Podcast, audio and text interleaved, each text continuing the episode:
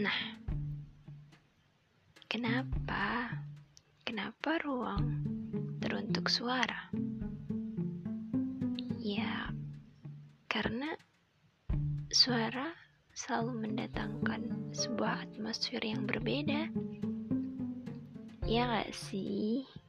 Iyalah pasti. Iya kan? thank you